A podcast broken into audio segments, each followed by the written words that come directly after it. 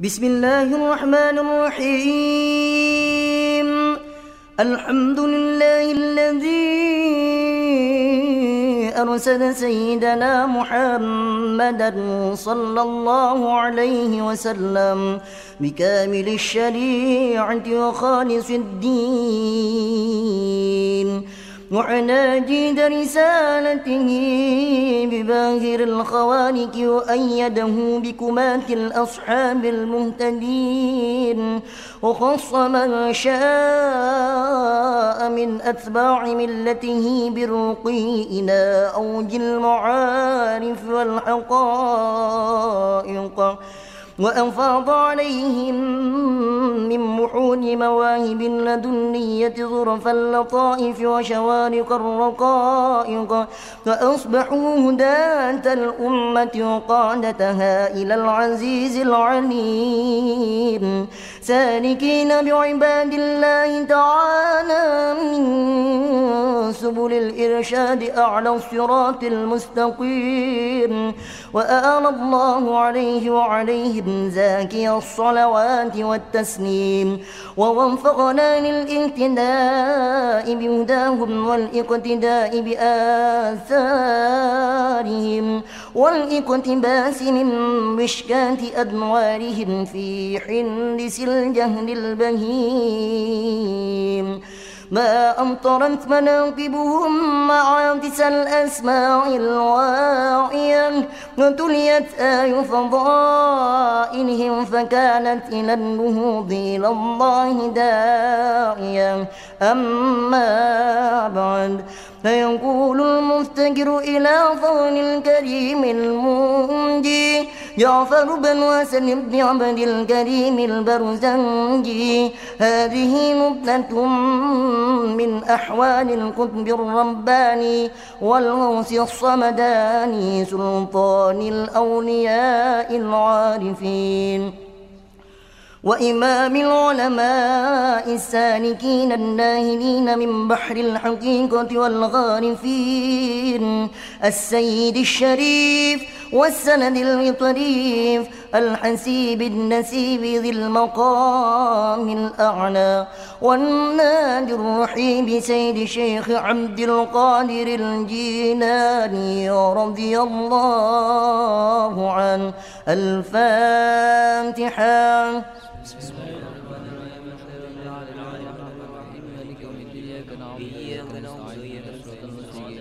صراط الذين انعمت عليهم غير المغضوب عليهم ولا الضالين بلغ الله تعالى بنفسه القوي والحفي جنة الكرب والأمان وعند نظمته من فرائد عمله وقوله لتتشنف بدرره أسماع الحاضرين عند عمل مهمه وحوله انتخمته من كلام بعض أرباب طريقا ومن له في حضرة الشيخ عقيدة محكمة ومحبة وثيقة كالشيخ عبد الوهاب الشعراني الذي ناح له فلاح والسراج الدمشقي صاحب كتاب نتاج الأرواح رغبة في نشر أحوال الكمل وبث مناقب الأخيار واستنزالا لصيب الرحمات والبركات الجزار. إذ بذكرهم تفتح أبواب السماوات العلية وتنهل من حظيرة القدس سحب الفيوضات الإلهية. فصلته بوسائط من لآن التراضي وطلب الإمداد بأسراره فليجهر بذكره الحاضرون عند بلوغ القارئ إليها في أخباره وسميته باللجين الداني في ذكر نبذة من مناكب القطب الرباني. سيدنا الشيخ عبد القادر الجيلاني رضي الله عنه. الفاتحة.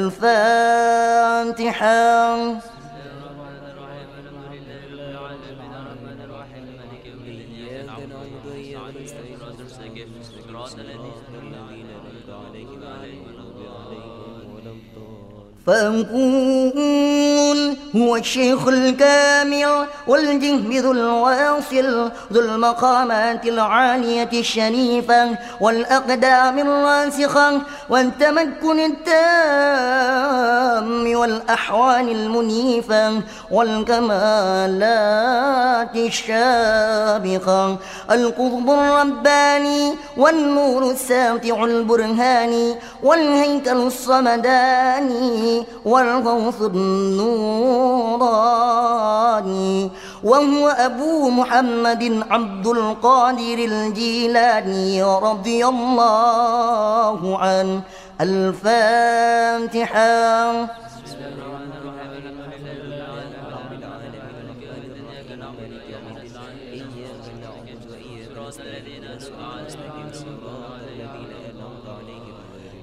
ابن أبي صالح موسى جنكي دوست وقيل جنكا دوست ابن عبد الله بن يحيى الزاهد بن محمد بن داود بن موسى بن عبد الله.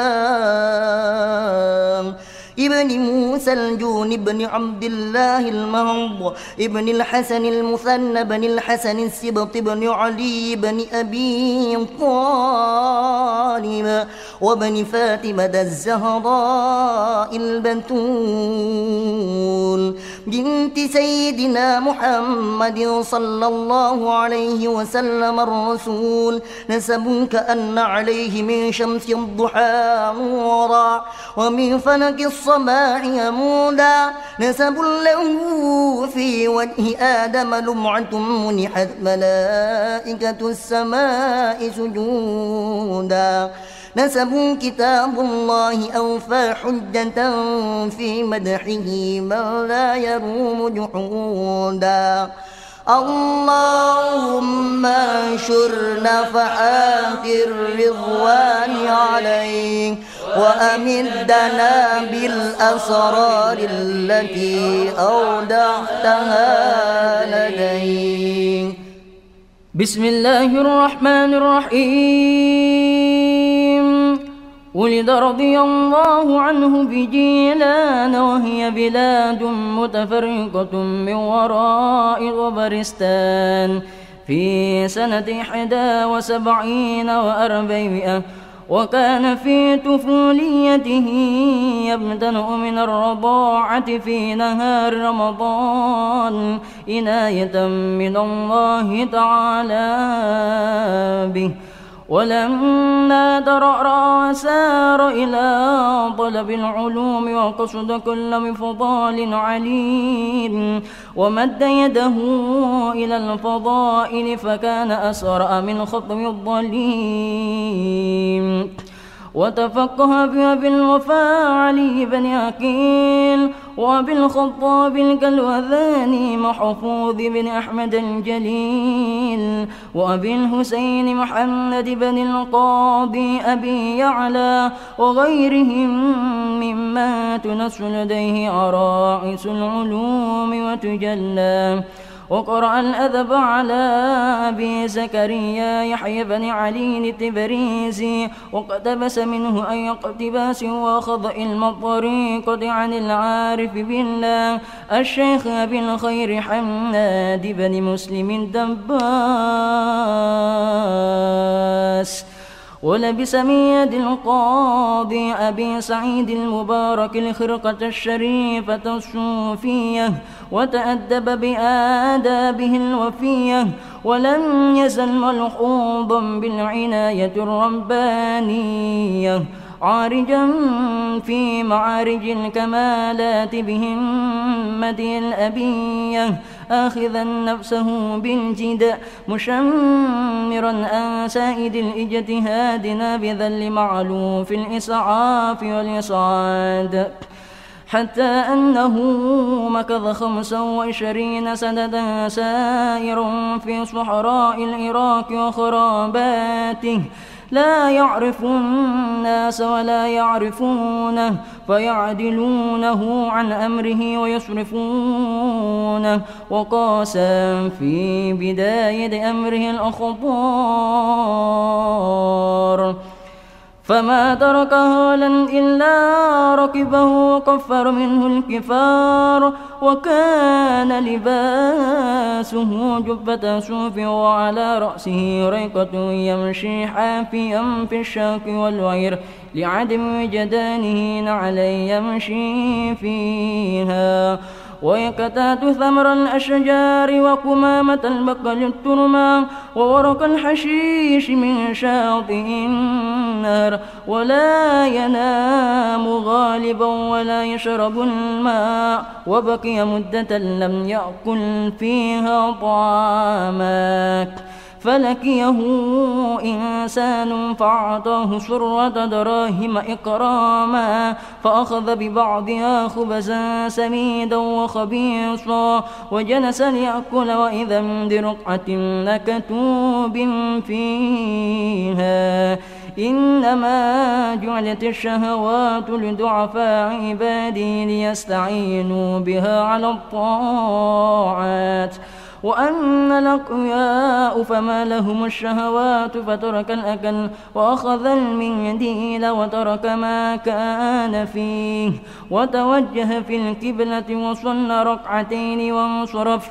وفهم أنه محفوظ ومعتنى به وعرف اللهم انشر نفحات الرضوان عليه وأمدنا بالأسرار التي أودعتها لديه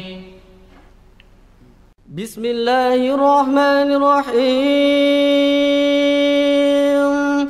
ورافق الخضر على نبينا وعليه أفضل الصلاة والسلام أول دخوله العراق.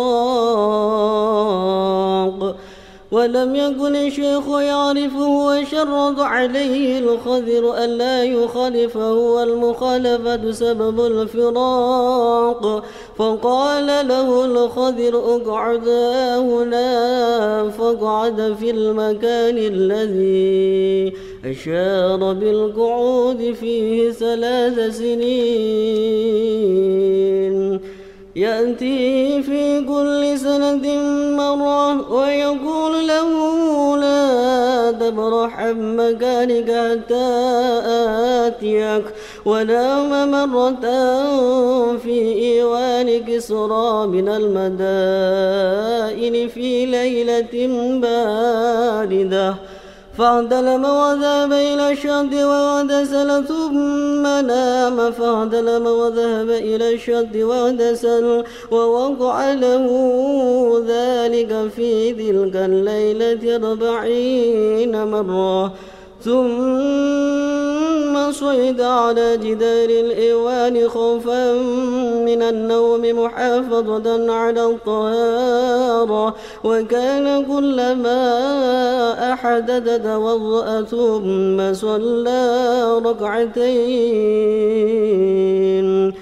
ولا يجلس على حدث قط ولم يزل الاجتهاد دأبه حتى تركه من الله الحال. وآن والوصال وبدت له أنوار الجمال فخرج على وجه الوجه لا يعي غير ما هو فيه. ويتضار بتخرص الجنون حتى من أين المغرى ثاني مرات إلى أن اشتر أمره وفوق أهل عسره علما وأملا وزهدا ومعرفة ورياسة وقبولا وامطار صيد وسار ذكر مسير الشمس وحكي أنه اجتمع له مئة فقيه من علماء بغداد وجمع كل واحد منهم عدة مسائل وجاءوا إليه ليمتحنوه فلما استقروا وأدرك الشيخ فظهرت من صدره بارقة من نور فمرت على صدور مئة فقيه فمحت ما في قلوبهم وبيتوا واضطربوا وصاحوا صيحة واحدة ومزكوا ثيابهم وكشفوا رؤوسهم. ثم صعد الشيخ على الكرسي وأجاب جميع مسائلهم فاعترفوا بفضله وخضعوا له من ذلك الوقت. وكان رضي الله عنه يقرأ في ثلاثة عشر علما التفسير والحديث والخلاف والأصول والنهو والقراءة وغير ذلك.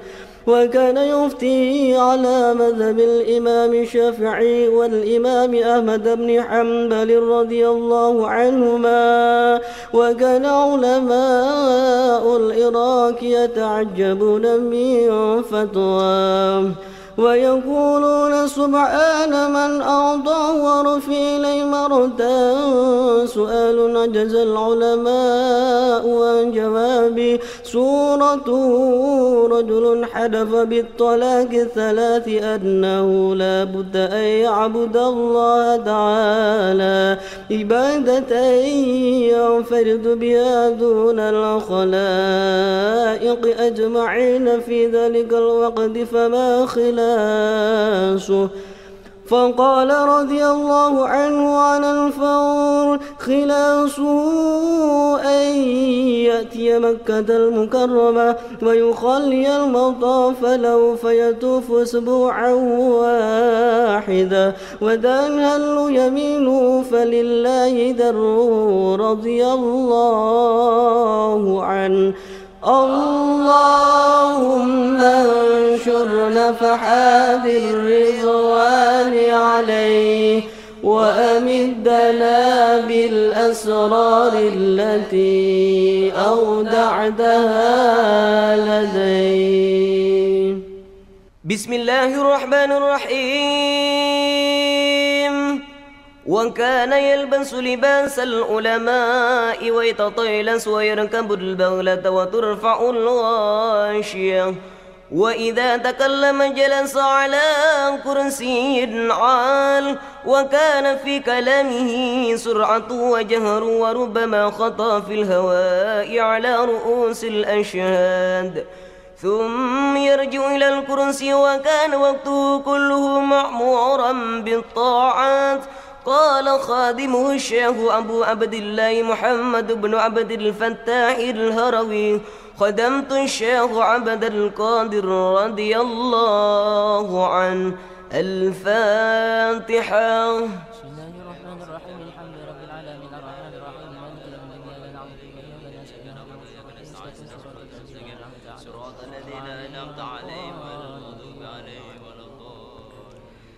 مدة أربعين سنة وكان يسلس وضوء العشاء هذه المدة كلها وكان إذا أحدث جددا في وقته وضوءا وصلى ركعتين.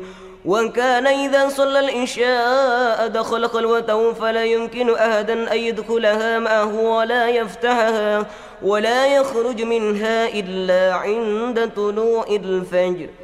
ولقد أتاه الخليفة مرارا بالليل يقصد الإجتماع به فلا يقدر على ذلك.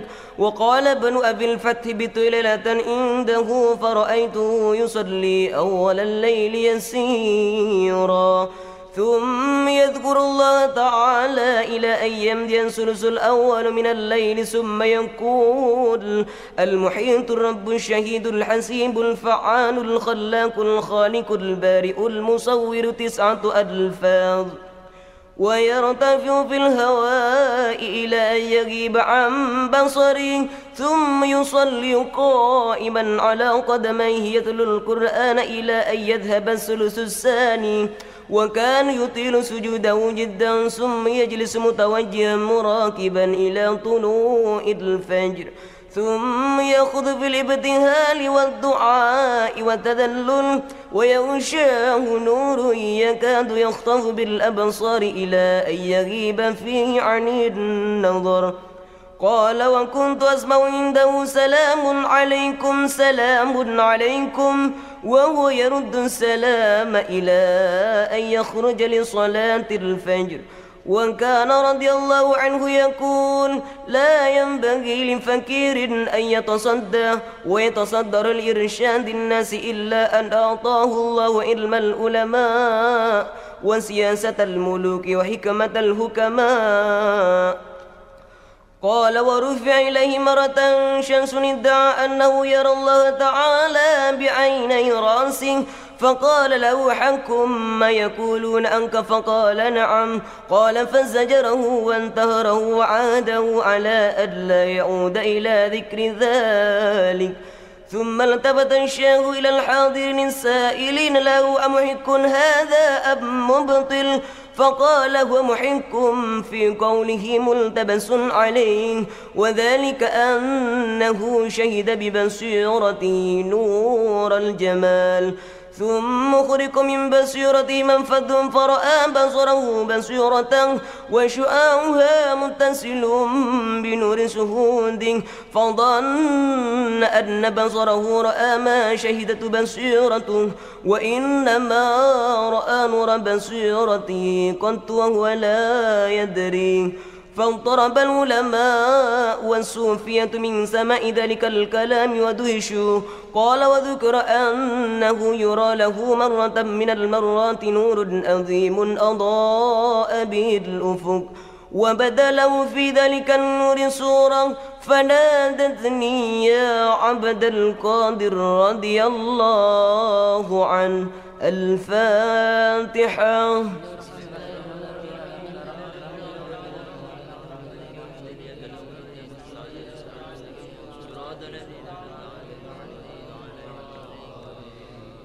أنا ربك وقد أبنت لك المحرمات فقلت أعوذ بالله من الشيطان الرجيم إخسى يا لعين. قال فإذا بذلك النور ظلام والسورة دخان. ثم صرخ يا عبد القادر رضي الله عنه. الفاتحة. بسم الله الرحمن الرحيم الحمد لله رب العالمين الرحمن الرحيم مالك يوم الدين إياك نعبد وإياك نستعين اهدنا الصراط المستقيم صراط الذين أنعمت عليهم غير المغضوب عليهم نجوت مني بعلمك بحكم ربك وفقهك في إحكام منازلك ولقد أضللت بمثل هذه الواقعة سبعين من أهل الطريق. فقلت لرب الفضل والمنة فقيل للشيخ بما عرفت أنه شيطان. فقال من قولي أبهت لك المحرمات. فعلمت أن الله تعالى لا يأمر بالفحشاء. اللهم انشر نفحات الرضوان عليه. وأمدنا بالأسرار التي أودعتها لديه. بسم الله الرحمن الرحيم. وكان رضي الله عنه لا يعظم الأغنياء ولا يقوم لأحد من الأمراء ولا أركان الدولة. وكان كثيرا يرى الخليفة قاصدا له وهو جالس فيدخل خلوة ثم يخرج على الخليفة بعد وصوله إعزازا لطريق الفقراء. ولئلا يقوم للخليفة وما وقف بباب وزير ولا سلطان ولا قبل هدية من الخليفة قط. حتى عدبه على عدم قبوله هدية فقال له الشيخ ورسل ما بدا لك وحضر معه. فحضر الخليفة عند الشيخ ومعه شيء من التفاح. وإذا كل تفاحة مشو دما وقيحا فقال للخليفة كيف تلومنا على أدم أقلنا من هذا؟ وكله مغشو بدماء الناس. فاستغفر الخليفة وذاب على يديه وكان يأتي فيكف بين يدي الشيخ كآهاد الناس وصحبه إلى أمات. وكان رضي الله عنه مع جلالة قدره وعبد صفته وعلو ذكره يعظم الفقراء ويجالسهم ويفلي لهم ثيابهم. وكان يقول الفقير الصابر أفضل من الغني الشاكر والفقير الشاكر أفضل منهما والفقير الصابر الشاكر أفضل من الكل. وما أحب البلاء والتلذذ به إلا من عرف المبلي. وكان يقول اتبعوا ولا تبتدئوا وأطيعوا ولا تمرقوا واصبروا ولا تجزعوا وانتظروا الفرج ولا تيأسوا واجتمعوا على ذكر الله تعالى ولا تتفرقوا وتطهروا بالتوبة عن الذنوب ولا تتلطخوا وعن باب مولاكم لا تبرحوا وكان يقول لا تخدر جلب النعماء ولا تفعل بلوى فإن النعماء واصلة إليك بالقسمة استجلبتها أم لا والبلوى حالة بك وإن كرهتها فسلم لله في القل يفعل ما يشاء. فإن جاءتك النعماء فاستقل بالذكر والشكر وإن جاءتك البلوى فاستقل بالصبر والموافقة وإن كنت أعلى من ذلك فالرضا والتلذذ واعلموا أن البلية لم تأتي المؤمن لتهلك وإنما أتته لتختبره. وكان يقول لا يسلك لمجالسة الحق تعالى إلى المطهرون من رجس الزلات ولا يفتح إلا لمن خلى عن الدعاء والهوسات. ولما كان الغالب على الناس عدم التطهر ابتلاهم الله تعالى بالأمراض كفارة وطهورا ليسلكوا لمجالسته وقربه شعروا بذلك أو لم يشعروا وكان يقول إياكم أن تحبوا أحدا أو تكرهوا إلا بعد أرد أفعاله على الكتاب والسنة كي لا تحبوه بالهوى وتبغضوه بالهوى. اللهم انشر نفحات الرضوان عليه وأمدنا بالأسرار التي أودعتها لديك. بسم الله الرحمن الرحيم. وكان رضي الله عنه لا يجلس الذباب على ثيابه وراثة له من جده صلى الله عليه وسلم فكل له في ذلك. فقال أي شيء يعمل الذباب عندي وليس عندي من دبس الدنيا وعسى الآخرة ومن كرامتي أنه جلس مرة يتوضأ فقدر عليه الصفور فرفع رأسه فقر الصفور ميتا فغسل الثوب ثم تصدق به عن الصفور وقال إن كان علينا إثم فهو كفارة ومن كرامتي أيضا أن امرأة أتت بولدها لتشوقه إلى صحبة الشيخ عبد القادر رضي الله عنه. الفاتحة.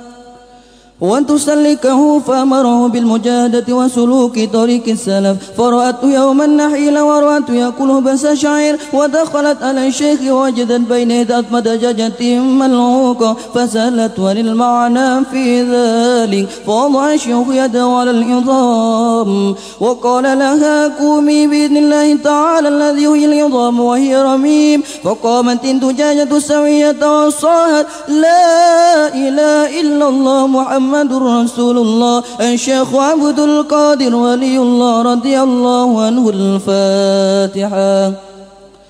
فقال لها إذا صار ابنك كذا فليكل ما شاء. ومن كرامة أيضا أنه مر بمجلسه توفي من شديد الري فشوسا بالشاه على الحاضرين. فقال يا ريح دراسها. فوقع لوقتها مكتوبة الرأس فنزل للكرسي وأخذها في يده وأمر الأخرى عليها. وقال بسم الله الرحمن الرحيم. فحيت وطارت سوية بإذن الله تعالى. والناس شهدون ذلك. ذلك.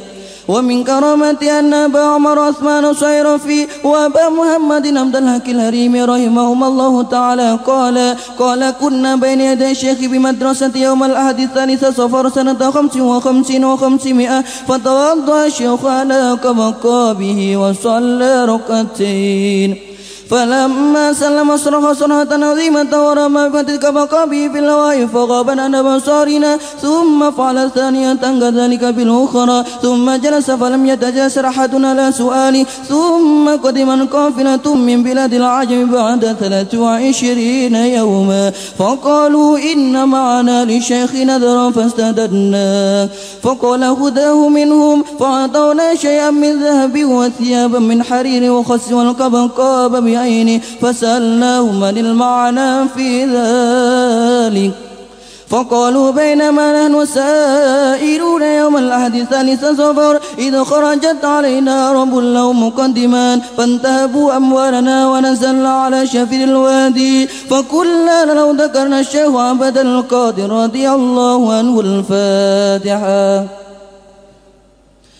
فنذرنا له شيئا من أموالنا سلمنا فما هو إلا ذكرنا. وجعلنا له شيئا فسمعنا صرختين عظيمتين ملت الوادي ورأيناهم مدعورين. فظننا قد جاءهم مثلهم يأخذهم فجاءنا بعضهم. وقال تعالوا إلينا وخذوا أموالكم وانظروا ما قد دهمنا فأتوا بنا إلى مقدميه فوجدناهما ميتين. وعند كل منهما فردة كمقام مبتلة بماء فردوا علينا ما أخذوا. وقالوا لنا إن لهذا الأمر نبأ عظيما.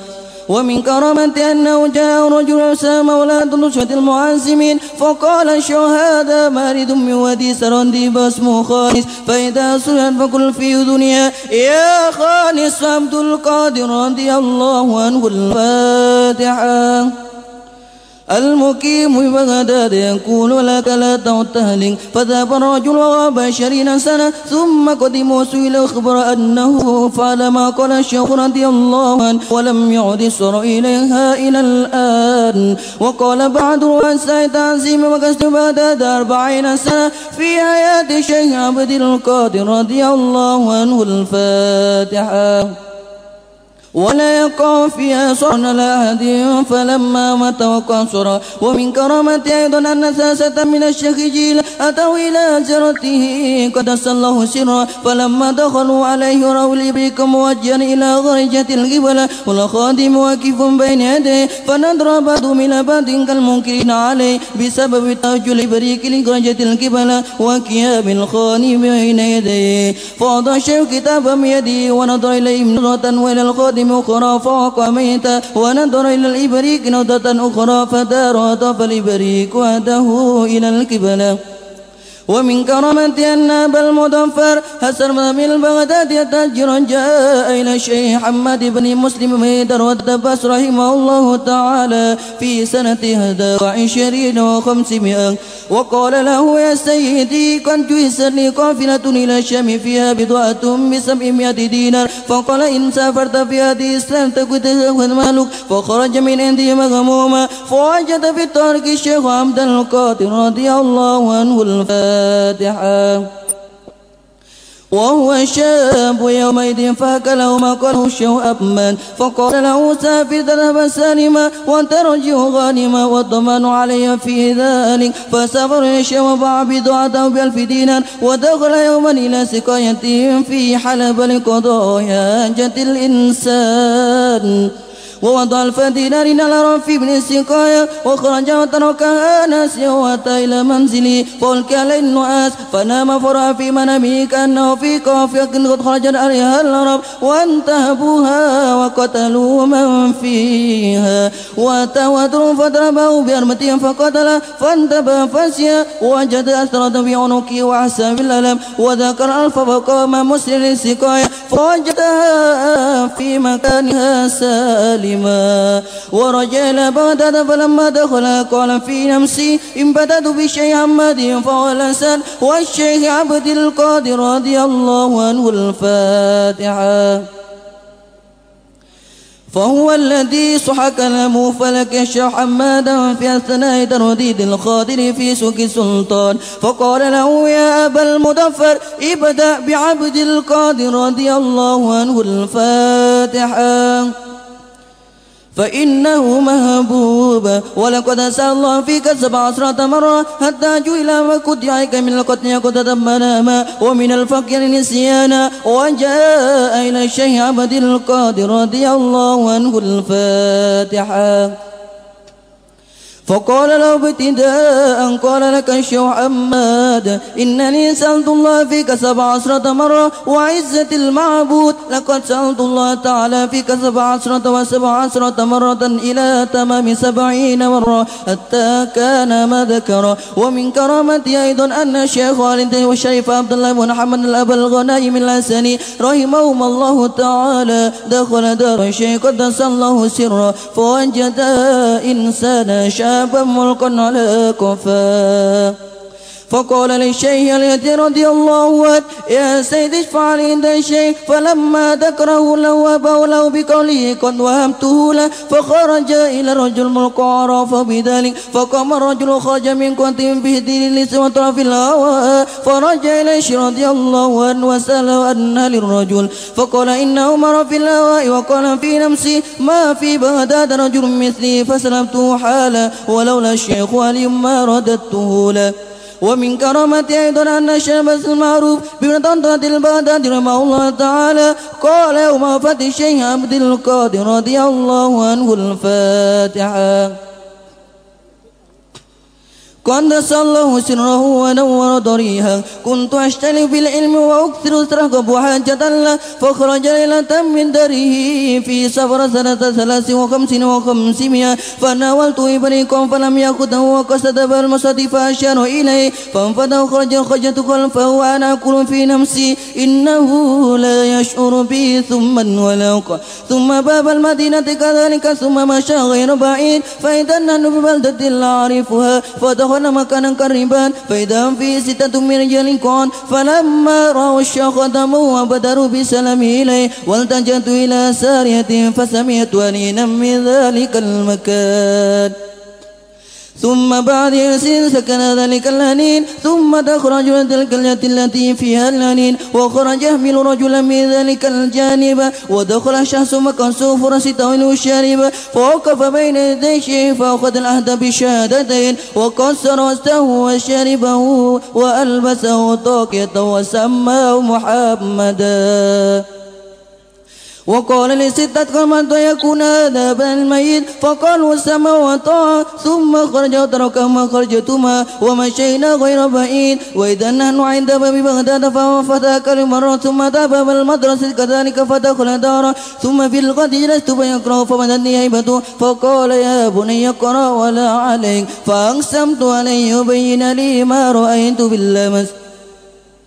فقال أما البلد فناوند وأما الستة وهم الأبدال النجبا وأما صاحب الأنين فسابهم كان مريضا.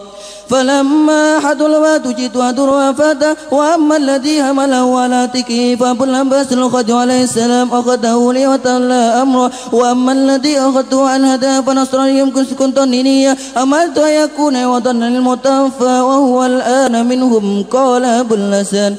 وأخذ عليه العهد ألا ودس بذلك لهدي ما دام حيا. وقال اهد بإسائسني في حياتي. وذكر شيخ عبد الله الموسري أن الإمام المستنجد بالله أبا المظفر يوسف جاء إلى الشيخ قدس الله سره وسلم عليه واستوصى وضع بين يديه ملأ في أسرى ياسر مسرة من الهدى.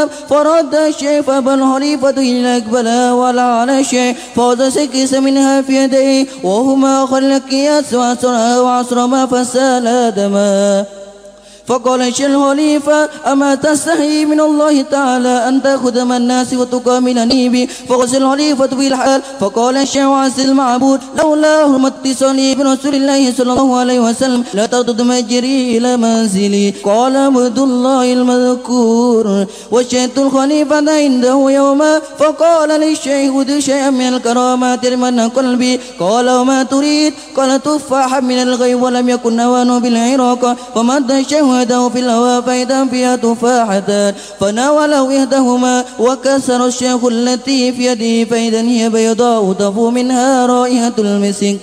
وكسر الخليفة الأولى فإذا فيها دودة فقال ما هذه والتي بيدك كما ترى أو قال كما أرى قال الشيخ يا أبا المظفر هذه لمستها يد الظليم فتودت كما ترى. وهذه لمستها يد الولاية فطابت. وقد تقدمت قصة التفاح الذي جاء بالخليفة للشيخ. وكرامة عصا من تعصى وعظم أن تستنصر رضي الله عنه. وأن برضاء الرفيع وأمدنا بمدد الوسيع.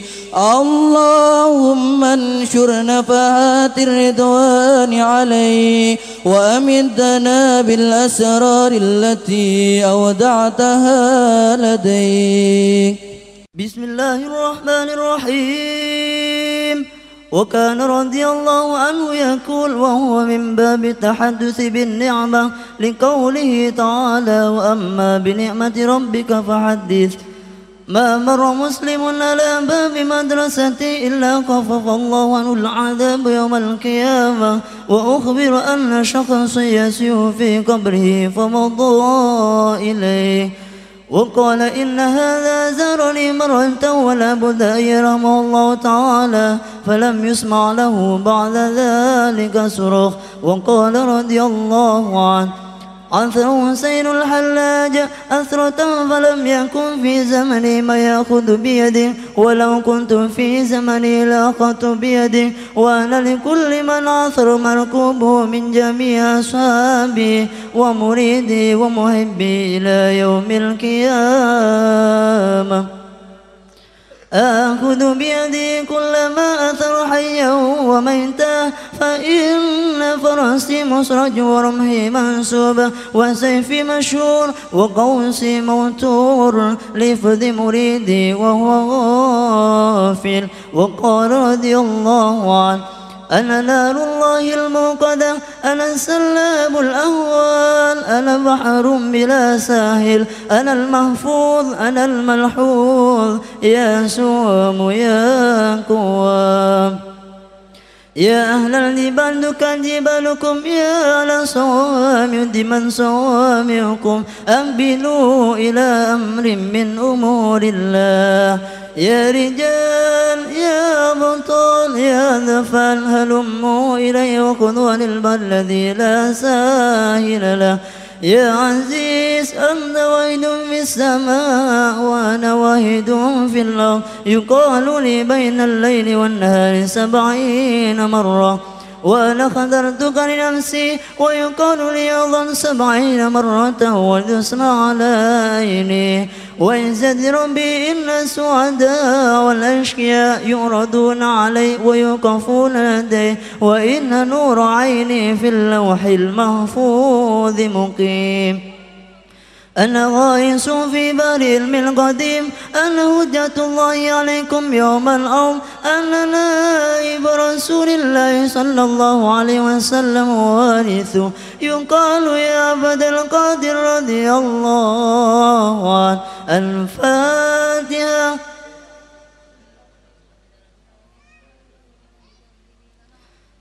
لكن لم يسمع منك قال الشيخ عبد القادر رضي الله عنه. الفاتحة.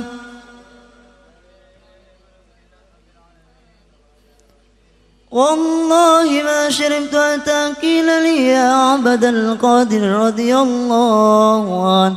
الفاتحة. بأنك عليك شف وما كنت أتاكل لي بأنك عليك قل وأمنتك من الردى تجي وسنة تسلم علي وتخبرني بما يجري فيها وقد الشر وقد الأسبوع وقد اليوم وقال مرة على الكرسي إذا سألتم الله تعالى فاسألوه بي وكان رضي الله عنه أسمر اللون مكرور الهاجبين أريضا لطويلا أريض صد خيف البدن. ربع القامة جوهر الصون بهي الصون سريع الدم شديد الخسية كثير الهيبة. مجاب الدعوة كريم الأخلاق طيب الأعراق. أبعد الناس عن الفحش وأقربهم إلى الحق. شديد البأس إذا انتهك محارم الله عز وجل. لا يغضب نفسه ولا ينصر غير ربه ولا يبدو سائلا ولو بعهد ثوبه وكان التوفيق رائدا. والتعيد معارضا والمهدبا والقرب مؤيدا والمعرفة والخنزا والمعرفة خرزا والخطاب مسيرا واللد سفيرا والأنس نديما والبس نسيما والصدق راية والفضل بضاعة والعلم ضيعة والذكر سميرا والمكاشفة غذاء والمشاهدة شفاء. وآداب شريعة الظاهرة وأوصاف الحقيقة سرائر قدم وتفيض والموافقة مع التبري من الحول والقوة. وطريق تجريد التوحيد وتوحيد فريد. مع الهدر في موقف العبودية بشر قائم في موقف العبدية. لا بشيء ولا لشيء. وكانت عبوديته مستمدة من مد كمال الربوبية فهو عبد سماء مصاحب تفريقة إلى مرافقة الجميع عن لزوم حكم الشريعة وفضائه رضي الله عنه كثيرا وأهواله أظهر من شمس ظهيرا. وكانت وفاته دامت علينا بركته في اليوم الحادي عشر من شهر ربي الثاني سنة إحدى وستين وخمسمائة وعمره إحدى وتسعين سنة. ودفن ببغداد وقبره ضهيزا ويقصد من سائر الأقطار رضي الله عنه. ونفعنا بأجمعين. اللهم آمين. اللهم آمين. اللهم انشر نفحات الرضوان عليه. ومدنا بالأسرار التي أودعتها لديه بسم الله الرحمن الرحيم. وحيث انتهى ما أردناه وتم ما اهتممنا به وقصدناه فلنرفع إلى الله تعالى كف الابتيال ونتوسل به وبنتائجه أرباب الأغواك والأحوال فنقول بسم الله الرحمن الرحيم. اللهم إنا نسألك بأنفاس هذا العارف الأكبر والسر الأظهر الوارث المحمدي صاحب الإدلال على البسات العندي وبالسالكين على منهاج الأنور والمغترفين من منهج معارفه العذاب الأصغر. أن تمنتنا بتيب أنفاسهم وتتني لنا من سماء راسهم. يا أيتها الأرواح المقدسة يا خدم يا كتب يا إمامان يا أوتاد يا أبدال يا رقباء يا نجباء يا نقباء يا أهل الغيرة يا أهل الأحلاك يا أهل السلامة يا أهل العلم يا أهل البصر يا أهل الجنان والعطف يا أهل الضيف. العرفان يا أيها الشخص الجامع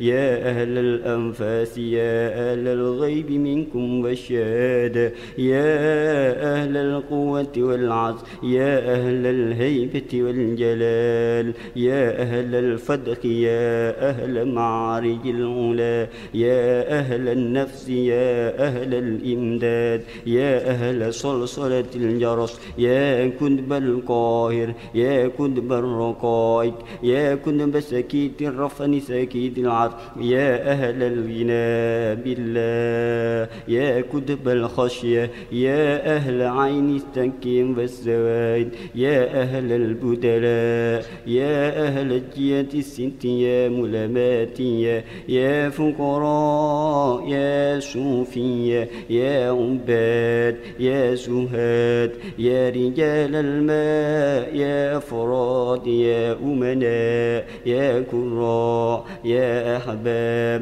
يا أجلاء يا محدثون يا سمراء يا ورثة الظالمين منكم والمقدسة والسابق بالخيرات. أيها الأرواح الطاهرة من رجال الغيب والشهادة كونوا عونا لنا في نجاح الطلبات. كونوا عونا لنا في نجاح الطلبات كونوا عونا لنا في نجاح الطلبات وتيسير المرادات وإنهاذ العزمات وتعمين الروعات وستر العورات وقضاء الديون. وتحقيق الظنون. وإزالة الخجب الغيائب وحسن الخواتم والعواقب. وكشف الكروب وغفران الذنوب.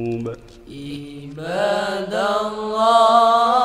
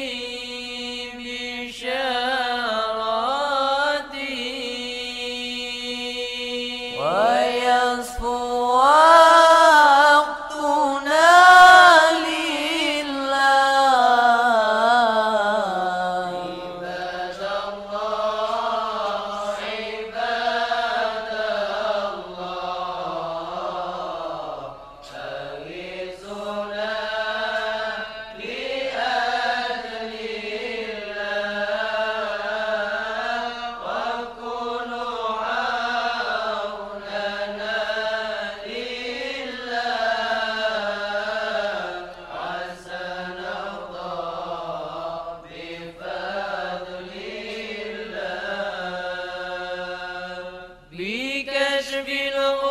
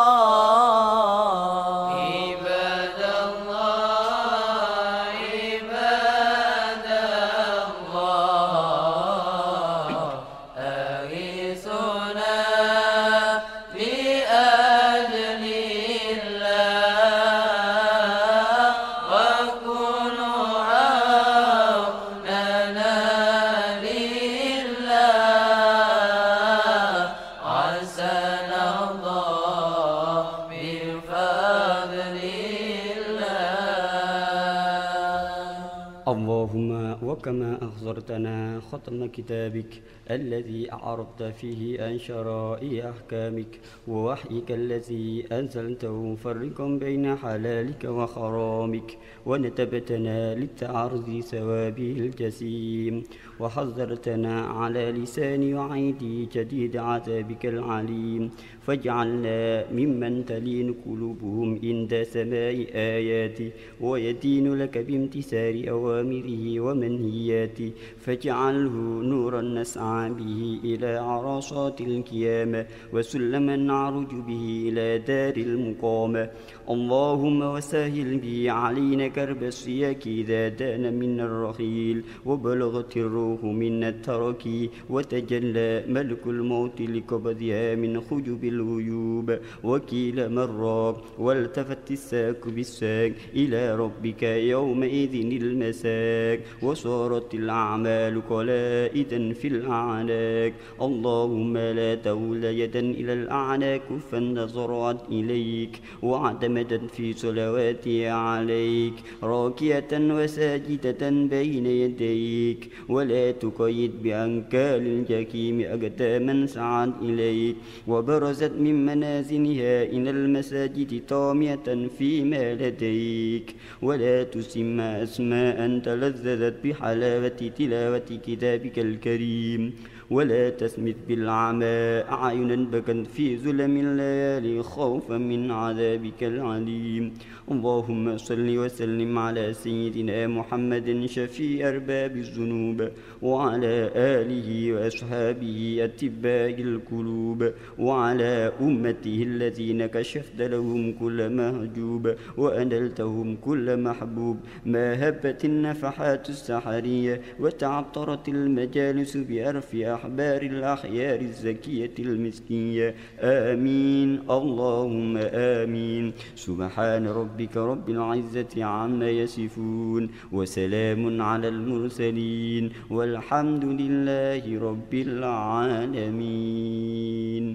يا أرحم الراحمين يا أرحم الراحمين يا أرحم الراحمين فرج على